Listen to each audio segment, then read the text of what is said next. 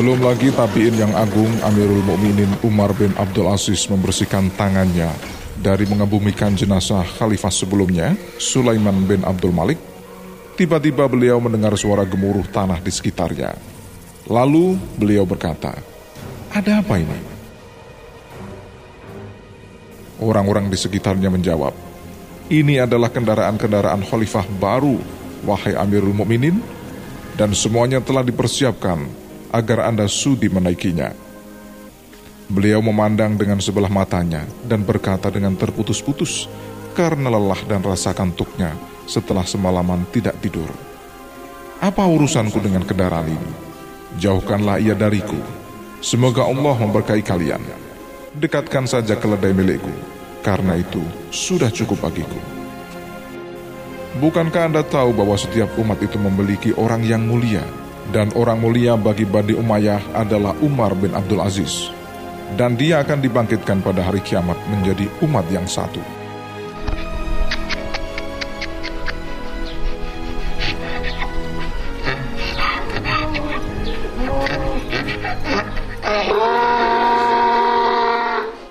Belum sempat beliau meluruskan posisi punggungnya di atas keledai, tiba-tiba datang kepala prajurit yang berjalan mengawal di depan serta beberapa pasukan yang berjalan berbaris di kanan dan kiri, sedang di tangan mereka menggenggam tombak yang berkilau. Khalifah berkata kepada kepala prajurit, Aku tidak membutuhkan Anda dan juga mereka. Aku hanyalah orang biasa dari kaum muslimin, berjalan sebagaimana mereka berjalan. Kemudian beliau berjalan dan orang-orang pun berjalan, hingga sampai ke masjid, lalu dikumandangkanlah azan, serta seruan sholat jamaah.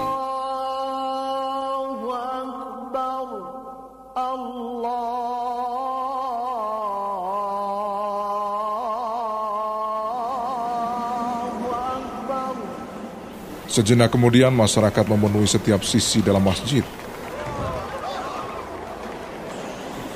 Setelah berkumpul, Umar bin Abdul Aziz naik ke mimbar lalu berkhotbah.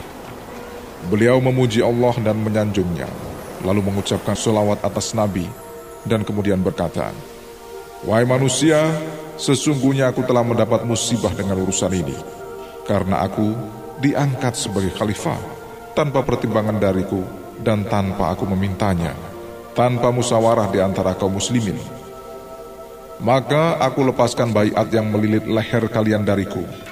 Silahkan kalian memilih pemimpin lagi yang kalian ridhoi. Maka para jamaah berteriak dengan suatu suara. Kami memilih Anda, wahai Amirul Mukminin, dan kami ridho kepada Anda. Kami serahkan urusan kami dengan harapan keberuntungan dan keberkahan. Ketika Umar bin Abdul Aziz melihat suara-suara mulai tenang dan hati mulai tertata, maka beliau bertahmid kepada Allah untuk kesekian kalinya dan mengucapkan solawat atas Nabi Muhammad SAW sebagai hamba dan utusannya. Beliau menganjurkan manusia untuk senantiasa bertakwa kepada Allah, berharap kenikmatan akhirat, serta mengingatkan kepada mereka tentang kematian. Beliau mengeraskan suara agar semua orang mendengarnya. Wahai manusia, barang siapa yang taat kepada Allah, maka wajib untuk ditaati. Dan barang siapa yang memerintahkan maksiat, maka tiada ketaatan kepadanya, siapa pun dia. Taatilah aku selagi aku mentaati Allah dalam memerintah kalian. Namun jika aku bermaksiat kepada Allah, maka tiada kewajiban sedikit pun bagi kalian untuk mentaatiku.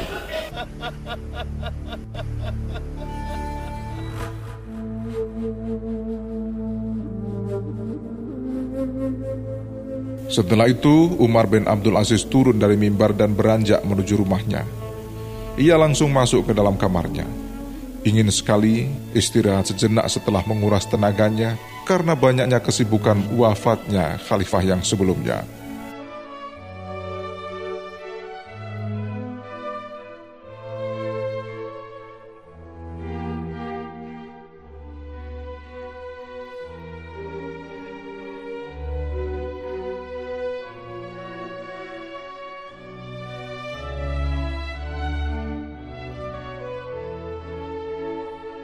Akan tetapi belum lagi lurus punggungnya di tempat tidur, tiba-tiba datanglah putranya, Abdul Malik, yang baru berumur 17 tahun dan berkata, Apa yang ingin Anda lakukan, wahai Amirul Mukminin? Wahai anakku, aku ingin memejamkan mata barang sejenak, karena sudah tak ada lagi tenaga yang tersisa. Begitu jawab Umar. Abdul Malik kembali bertanya, Apakah Anda akan tidur sebelum mengembalikan hak orang-orang yang dizalimi, wahai Amirul Mukminin? Umar menjawab, Wahai anakku, aku telah terjaga semalaman untuk mengurus pemakaman pamanmu, Sulaiman. Nanti jika telah datang waktu duhur, aku akan sholat berjamaah, dan aku akan kembalikan hak orang-orang yang didolimi kepada pemiliknya. Insya Allah. Tanpa disangka, remaja itu balik bertanya kepada ayahnya, Siapa yang menjamin bahwa Anda masih hidup hingga datang waktu duhur, wahai Amirul Mukminin? Kata-kata pemuda gagah yang juga anaknya sendiri itu langsung menggugah semangat Umar. Hilanglah rasa kantuknya dan kembalilah semua kekuatan serta tekad pada jasadnya yang telah lelah. Lalu beliau berkata, Mendekatlah engkau nak. Lalu mendekatlah putranya. Kemudian Umar bin Abdul Aziz merangkul dan mencium keningnya sembari berkata, Segala puji bagi Allah yang telah mengeluarkan dari tulang sulitku, seorang anak yang dapat membantu melaksanakan agamaku. Kata-kata itu diucapkan dengan linangan air mata. Umar bin Abdul Aziz bersyukur telah dianugerahi anak yang mampu mengingatkan bapaknya dengan cara yang sangat luar biasa.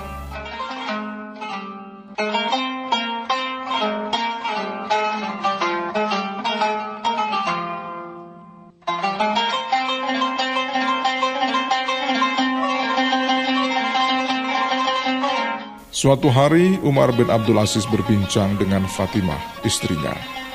Umar berkata kepadanya, Istriku, aku harap engkau memilih satu di antara dua. Memilih antara perhiasan emas berlian yang engkau pakai dengan Umar bin Abdul Aziz yang mendampingimu.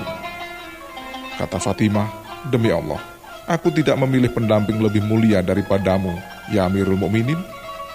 Inilah seluruh perhiasanku Kemudian Khalifah Umar bin Abdul Aziz menerima semua perhiasan itu dan menyerahkannya ke Baitul Mal, kas negara kaum muslimin.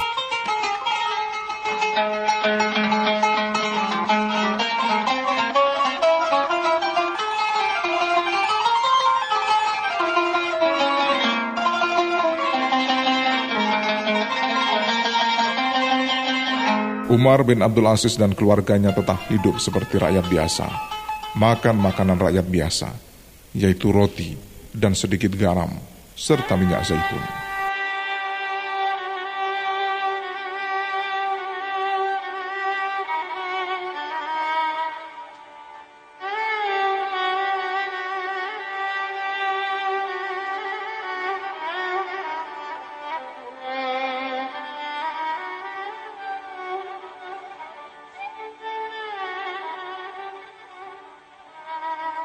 Selama memerintah, Umar bin Abdul Aziz menitik beratkan penghayatan agama di kalangan rakyatnya yang telah lalai dengan kemewahan dunia. Beliau memerintahkan umatnya mendirikan sholat secara berjamaah dan masjid-masjid dijadikan tempat untuk mempelajari hukum Allah, sebagaimana yang berlaku di zaman Rasulullah Shallallahu Alaihi Wasallam dan para sahabatnya.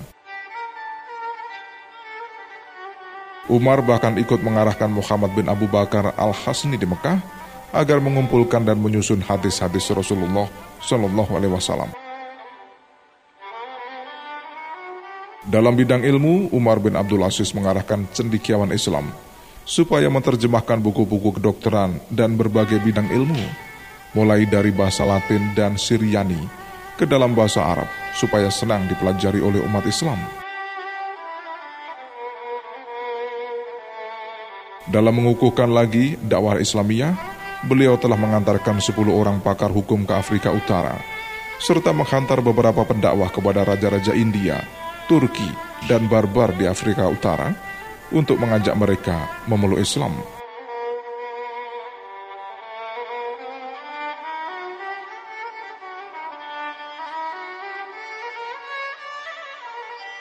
Khalifah Umar bin Abdul Aziz terkenal dengan keadilannya Beliau telah menjadikan keadilan sebagai keutamaan pemerintahannya. Ia ingin semua rakyat dilayani dengan adil, tidak memandang keturunan dan pangkat, supaya keadilan dapat berjalan dengan sempurna. Keadilan yang beliau perjuangkan menyamai keadilan di zaman kakeknya, Khalifah Umar bin Khattab.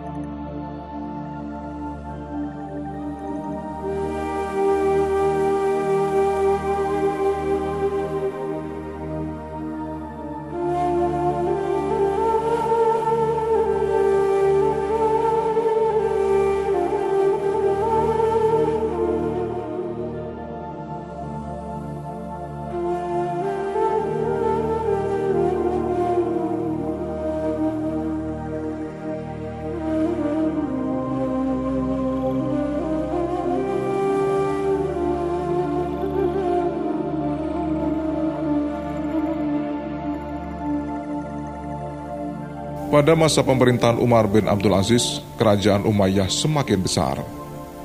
Tak ada pemberontakan, penyelewengan, karena rakyat mendapat layanan yang sewajarnya dan menjadi kaya, hingga baitul mal penuh dengan harta zakat.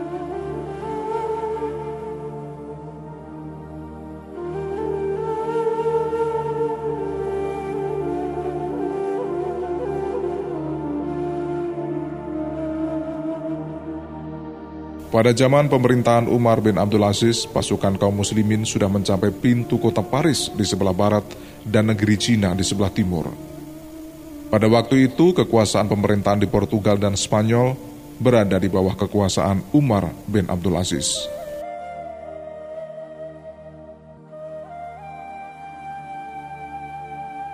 Umar bin Abdul Aziz wafat tahun 101 Hijriah ketika berusia 39 tahun. Beliau memerintah hanya selama dua tahun lima bulan saja. Setelah beliau wafat, kekhalifahan digantikan oleh iparnya, Yasid bin Abdul Malik.